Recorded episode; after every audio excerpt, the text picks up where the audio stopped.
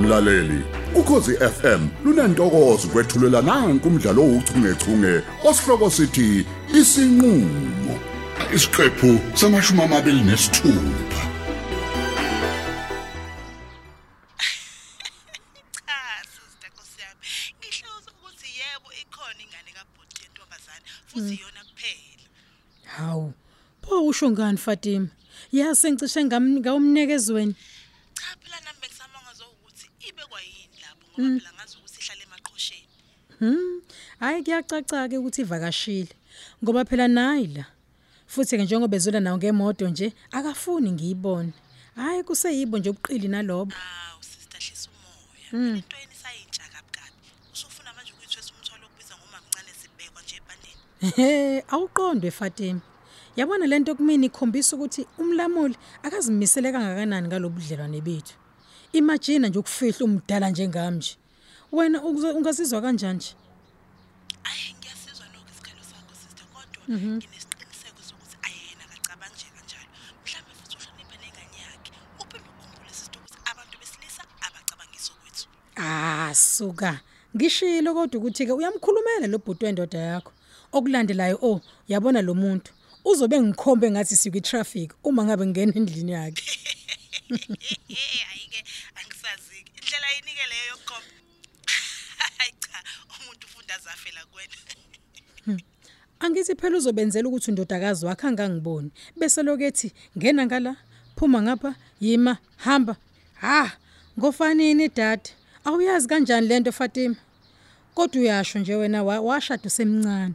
Thina kade sasibonana. hayi hayi ngempela ngikuphikise mphathi wami eyikudala wakubona bo futhi ngeke ngempela ngize ngikuphikise hayi mina ngavele ngihayise nje ngeke ngize ngikwazi we Into engiphatha kabi nje ukuthi kade mina ngiyishimele nje. La sengithi ngithola umuntu.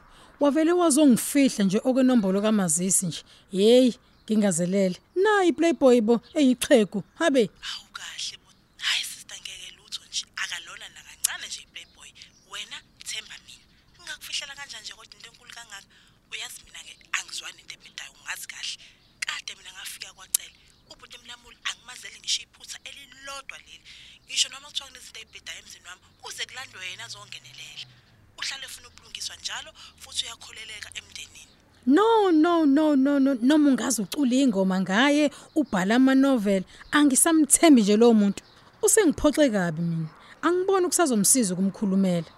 Ngicabanga ukumshiya mina manje lo bhuti kusekusha nje. Ngingazi ngingene shiqe emanyaleni ngihl- ngihlekwe yizo. hayi bo sister ngendaba yengane nje vo hayi cha waze wagagamela-ke bo Ngizothini oh umuntu edlala ngami? Habe.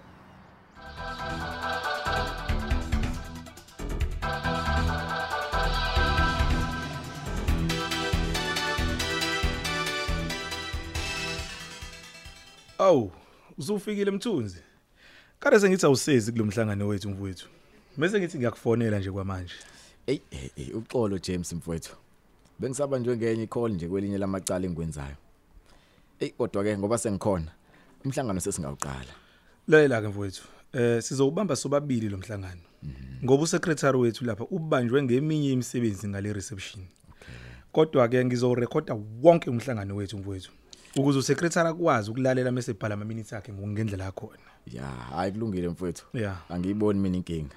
Nami ngizoloku nje ngenza ama-notes kwesixoxayo. Mhm. Nawo ama-notes ngiyacabanga ukuthi uma esehlanganisa azomsiza U- mamini. uyazi umbono omuhle lo mthunzi lalela ke nasi isicelo engisitholile lapha eminyangweni wezempilo mayelana nophenya abacela ukuthi sibenzele lona isibhedlela iTop Hills Private Eh, eh, ba- bamba la uzibonele nawe uzifundele ngokwakho Kusho ukuthi ishubile ngempela ke le ndaba yokwebiwa kwama human organs etop hills. Uyayibona indaba? wemfowethu ishube ngempela Ayeye. uyazi ngikutshele nami bengilokhu ngizwa nje ngamahemhemu ikakhulukazi la kuma newspapers hayi kodwa kubukeke ngathi hayi ngeke sifike kwelinye izinga izinga liphezulu kakhulu Hey madoda. Hmm. Manje ubona kanjani James? Nanti toho. Lilethwe nje mfethu abantu abaphansi leli. James ngikhuluma ngohulumeni la. Andilibukeka lizokhokha kahle kakhulu. Siyawuthatha lo msebenzi noma. Ayibo. Uyazi lo mbuzo ongibuza wona. Ungiphuca wena emlonyeni mfowakathi. Nami bekithi wena ukuthi mhlambe ke ngizwe kuwena ngibuza ukuthi ubona kanjani hayi Eh, Siwuthathe. Hayi. phela isicelo James sifike nawe wena isho umbono wakho Yeah. ngalo msebenzi emese nami ngiyaphefumula ya um kona kuzoba umsebenzi onzima ngoba uyabona lana mfowethu kuzodingeka a full forensic investigation Mhm.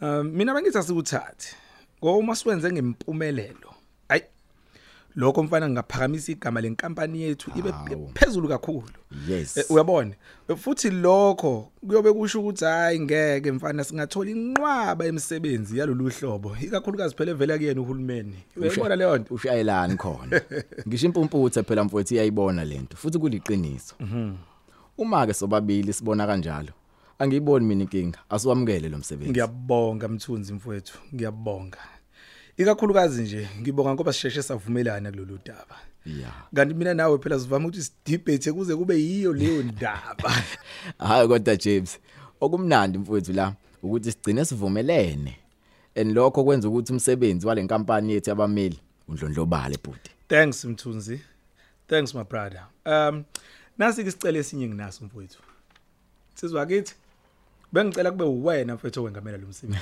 please man please nakho ke baqala ubuqili bamakhaladi usuqalile James no mfowethu no mfowethu ngizokuchazela ngizokuchazela nje kahle kamhlophe ukuthi ngingani ngicela wena noma ngi- ngi- ngikunika lesicelo eh nginomsebenzi omningi mfowethu osenkantolo maningi futhi amacala engibhekene nawo khona lapha enkantolo yeah uyabona wena mthunzi ungcono ngoba amacala onawo enkantolo akabi maningi ngala- kangako uyabona hayi hayi James isho nje wena ukuthi usuyalivilaphela ukwenza investigation kodwa ke to cut the matter short ngiyavuma bhuti wami ngizowuthatha lo msebenzi nakho ke ngiyabonga kakhulu advocate Thusi thanks a lot awuze umuntu ezincengela ubuqili lobu wabuqala kudala advocate James Jones hey awukahle we manje madoda. eh okunye yebo Eh, vele icala lapha namfowethu seluvuliwe police station uyayizwa leyo Mhm. eh icase number futhi senginayo a- awukahleke Mm, oh nansi nansi mfowethu hawu ngiyabonga mfowethu usuqedile kusobala ukuthi isyndicate eyenzeka khona lapha eTop Hills kuyoba kancane ngekho umuntu ongaphakathi esibedlela ohlangana nayo yonke lemficicane le uyabona ke yeah uyabona ke kungcono ngoba usuliqalile kwamanje uphenyo uyabona uyakude liqwaqwade mfowethu khala kulona usoshila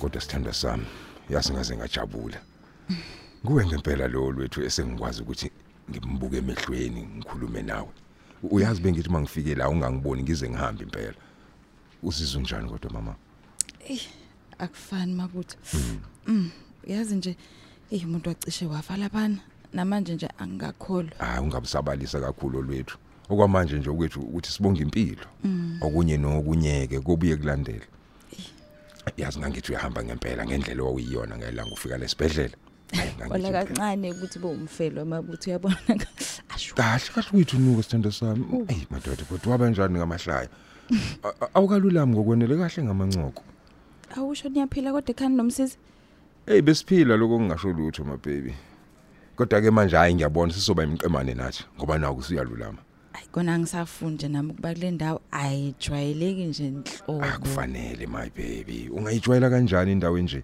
e- ebeka impilo yakho phakathi kokufa nokuphila Yo, hayi Oh, masasho olwethu u- usakhumbula nje ukuthi kwenzekani ngelanga lesigameko oh eh yazi engathi ngaphunyukwe imoto silapha ya Edimba yangena emzini womuntu emva kwalokho ke ayi kwavele kwacisha no ibani no no no no no no no olwethu imoto yayingashayelwa wena hawu yayishayelwa ngubeauty awusakhumbulini awu ubeauty kanti wayeshayela yes yes ubeauty washayela imoto yakho kodwa ulwethu ko konke ukuba ungakwenza sithando sami ungazunika ubeauty imoto pho imoto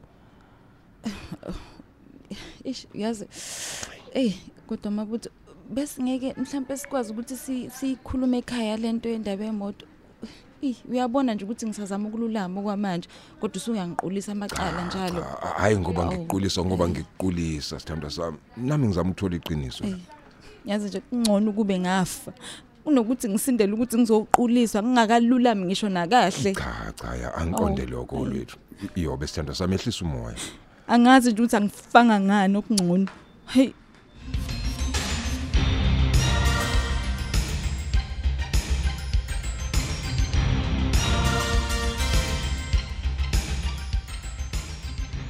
Oh, hey. Eish, sithando sami. Good morning beautiful. Hello msisi. Uyaphila kodwa sithanda sami. Yeah, ngiyaphila phela. Ozi kwamnandi ukulala emzini yabantu.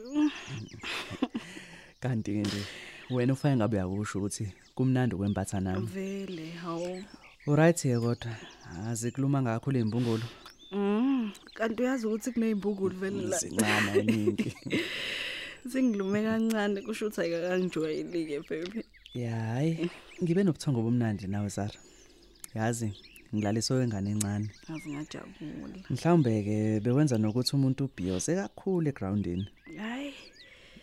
Endubhiyozile shem Mm. ngizibonele nje ukuthi bengingasabhiyozi wena lapha ya. Kodwa Yeah. ilawa amasayidi kade uyixina ngawo. awubheke nje yazi futhi nje indaba yami ngendlela engiphapha ngayo ngoba phela bengenza into engingayijwayele Oh Mm-hmm. hey hayi namanje ngiyezwa nje ukuthi hayi ngiyafa ihangover ah akukho okusalile efrijini Lokusale khona ushaye wavala. Awu, Mm. Uh, oh, kodwa Akho lutho lapha ya.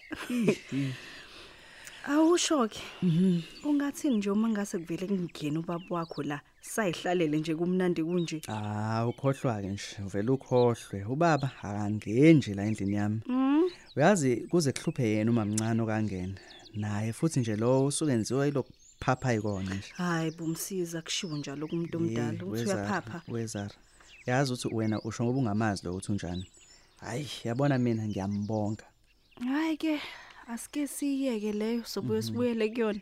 yeah Mina ngithi ungenze njani uma umabutho? hayibo hayibo hayibo hayibo Hawuyini?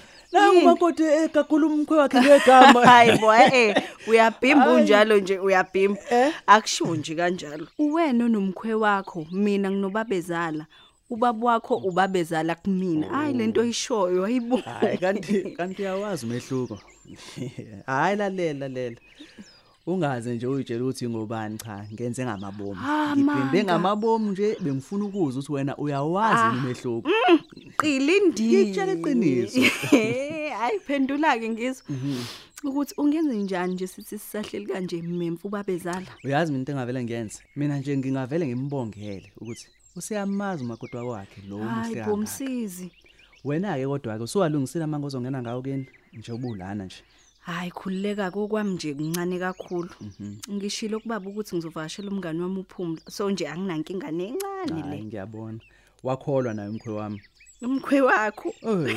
Eh, umkhwe wakho ngeke ngaki ke bhuti wazi wajabula bo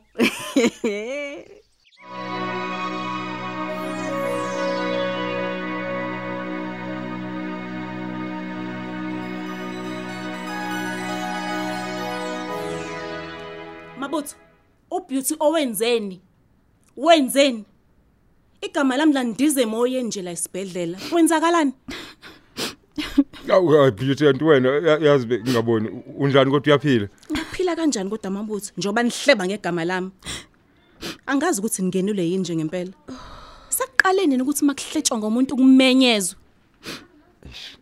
hayibo olwethu usuphapheme mngani manje pho wakhala kwenze njani mabutho yini kwenze njani ngafika ngizobona umngane wami ngamfica ekhala umenzeni Ba- ah, Cishe usezinhlungwini. Hey. Awuchaze ke. Mina hlabanisini ngobeauty. Cha bese singakhuluma indini into ebhedayo lana bese singakhulumi kabi impela. Kusho ukuthi wena ungizwe ngesikhathi ngithi ubeauty wabanenhlanhla wasinde kule ngozi. Oh okay ke. Ngizosala sengikholwa nje noma ngingakholwa. Hayi Ah, ngiqinisile. Ey, sengijabulisa ukuthi umngane wami useyalulama. Mkhulu ongabonwayo. Ngokusindisa olwethu. Ey, siyabonga siphezi. Ah ungalisho uliphinde lelo beauty.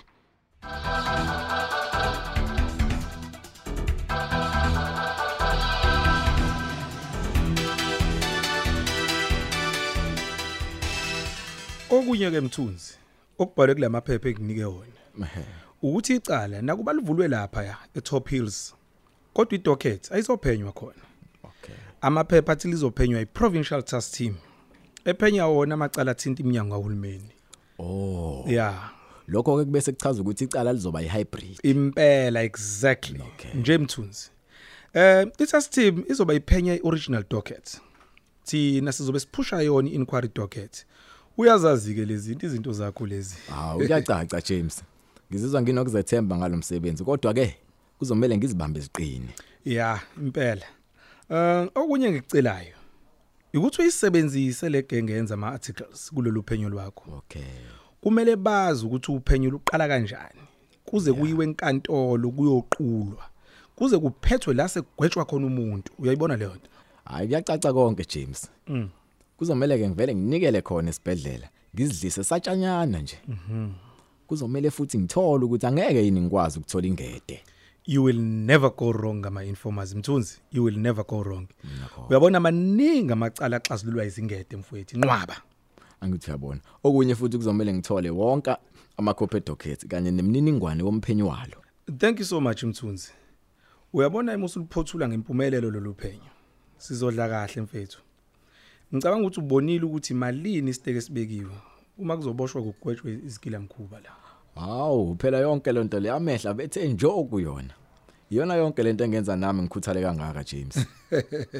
hey pho uyazithandela yini imali Habe, washo mina, wena uzisho ngani? siphilela yona Usoshilo. Uphela kanjalo ke umdlalo wethu ouchungechunge osihloko sithi isinqulo owulethelwa ukhosi FM.